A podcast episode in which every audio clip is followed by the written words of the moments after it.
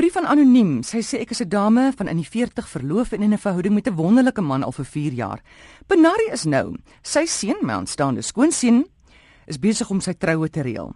En hy het dit vir my duidelik gemaak dat my enigste dogter van 19 jaar nie welkom is nie. Hoe nou gemaak? Gaan ek self nie na die troue toe nie en skaar my by my dogter of gaan ondersteun ek my verloofde? Dis nou die bruidegom se pa. Help met hierdie Benari asseblief. Etiket vertroues is nie wette nie. Dit is net riglyne om die skade so min as moontlik te maak. En alhoewel dit nou wreed klink, volgens die reëls, die dame is verloof aan die pa.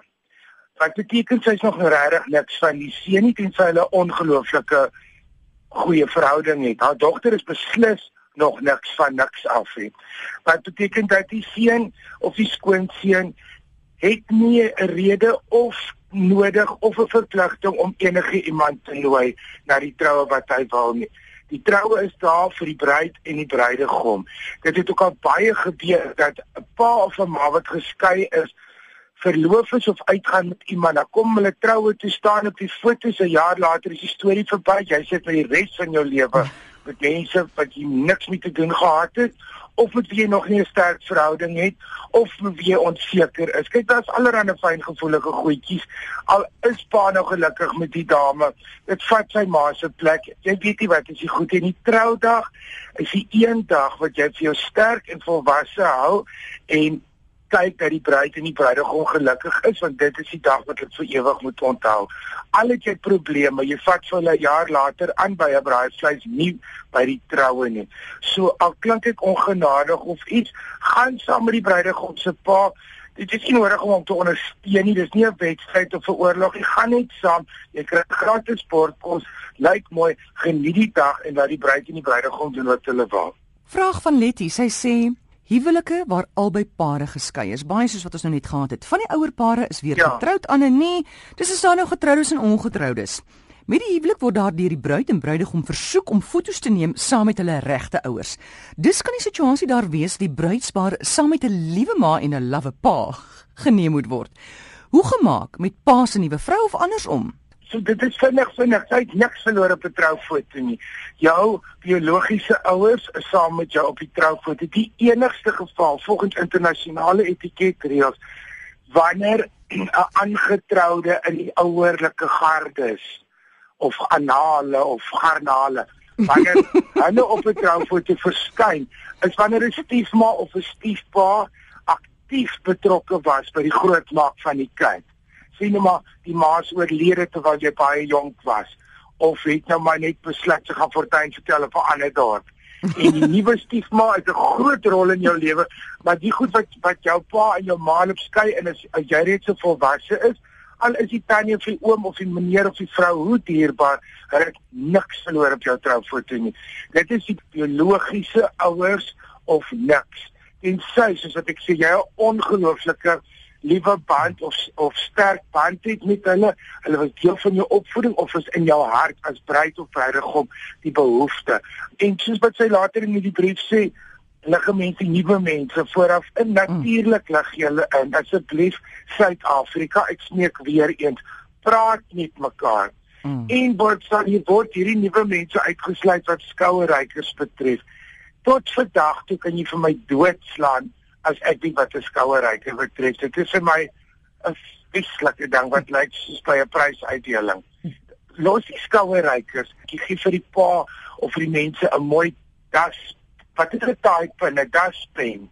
Mm, ek weet nie. Of 'n of 'n dingetjie wat jy vir ewig kan onthou. Hierdie ding op jou skouer lok net baie. Dit pas nie by die uitrusting mm. en jy lyk soos 'n duif wat se krop skeef sit.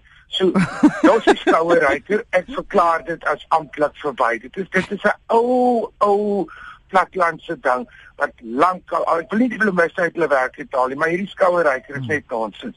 Daar is iets anders as wanneer jy spontaan tydens die seremonie sê ek is lief vir pa en 'n vars roosknop in sy lapel indruk. Mm. Dis iets anders. Dit is 'n gebaar en dit is vir my mooi. Maar hierdie goed met groen tyd om en 'n koppie speld en 'n orgidee en gypsophylla en 'n carnation en 'n ding. Dit lyk regtig of of 'n hoendertjie besig om te skrop en te kyk of daar nie 'n put agter jou baadjie is. Los dit maar net uit. Hoorie so oulike brief hier van 'n vrou. Sy sê ek het 'n spesmaas dat my seun sy pa gaan vra om sy strooijonker te wees. Ek glo nie daar's 'n beter pa-seun verhouding as die twee nie. Hulle is alles in mekaar se lewe. Ek wil graag net uitvind of hy dit wel kan doen. Indien wel, wat is sy doel en waar gaan hy staan op die fotos? Of moet hy by my sit in die kerk? Daar is ook 3 strooimeisies en dan ook net twee strooijonkers. Gaan dit nie 'n bietjie van balans af lyk nie. Dit gaan nie van balans af lyk nie. Mense is nie besig met 'n kersttableau of die opening van die Olimpiese nie. Dit is 'n baie persoonlike ding en wat ewe die mense wat jy liefhet of wat jy naby jou wil hê, hulle is daar. As daar 3 aan die een kant is en 2 aan die ander kant, dan is dit hoe dit is. So of jy een kant knie, aan een kant gaan lê agter die paadjie, daar's honderde maniere om iets te doen. Maar ek dink dit is so cute, ek dink dit is fantasties as as jy en jou pa so 'n verhouding het en hy so strooi jonker, dit begin dalk 'n hele nuwe storie. Hy op die foto's staan hy presies waar hy sou gestaan het as 'n ouer. Want hy staan langs sy vrou en die kerk sal sy mos nou nie doodgaan as hy alleen deur 'n diens moet sit want hy moet iewers staan nie. Staan, gee vir 'n broodjie of 'n klein radio as hy nie alleen wil wees of sy sit met vriende of die res van die familie. Daai goed van die sit in 'n kerk en sulke goed. Dit maak nie meer belangrik nie. Solank jy jou kind kan sien en die preek kan hoor en weet waar is die deur na die naaste badkamer, is jy fyn in 'n kerk. Daai is alles onnodige nonsens in 'n aansittery. Maar ek dink hierdie is 'n baie cute idee. Laat die paar staan waar hy wil die troufoto staan en waar 'n paar staan en dit hang ook af van die paartjie, dit hang af van die fotograaf en dit hang af van die setting. Jy neem mos 'n duisend miljoen foto's, dan gaste mos later so honger met koue checkbooks want die bruidjie by hom kom ons net terug hè. Neem duisend foto's, daar's nie 'n reël nie. En jy kyk nooit na daai troufoto's, jy die bruidjie nie bruidegom rame foto van hulle self en sit dit teen 'n muur of op 'n album se voorblad. Hmm. Daai ander goed is net formaliteite sodat dit almal goed voel, maar ek is mal oor daai wat in Italië doen wat almal op die troue uh. gaan staan in 'n groot groep. Ja. En neem daai beautiful foto's op die kathedraal se trap of iets. Dit move my waar jy kan sien presies wie was almal daar en hoe wonderlik jou dag is.